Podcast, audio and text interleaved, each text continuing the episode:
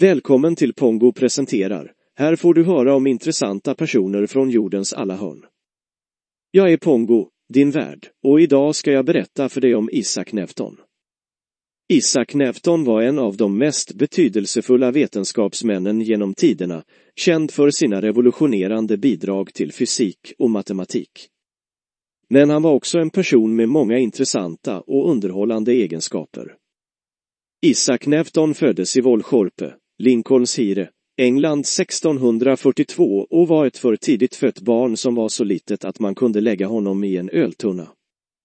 Newton var en ensamvarg som inte gillade att umgås med andra människor och spenderade mycket tid på att läsa och utforska vetenskapliga frågor. Han var också en passionerad alkemist och trodde att han kunde förvandla ovanliga metaller till guld.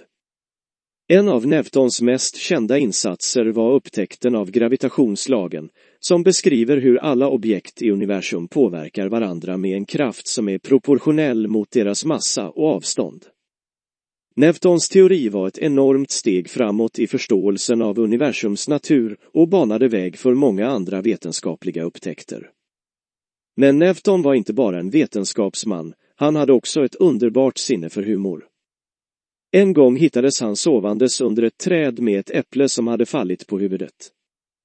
Detta ledde honom till att undersöka gravitationskraften och därmed komma på sin berömda teori. När han blev tillfrågad om sitt singelskap sa han en gång att han inte hade någon tid för kvinnor eftersom han hade så mycket att tänka på.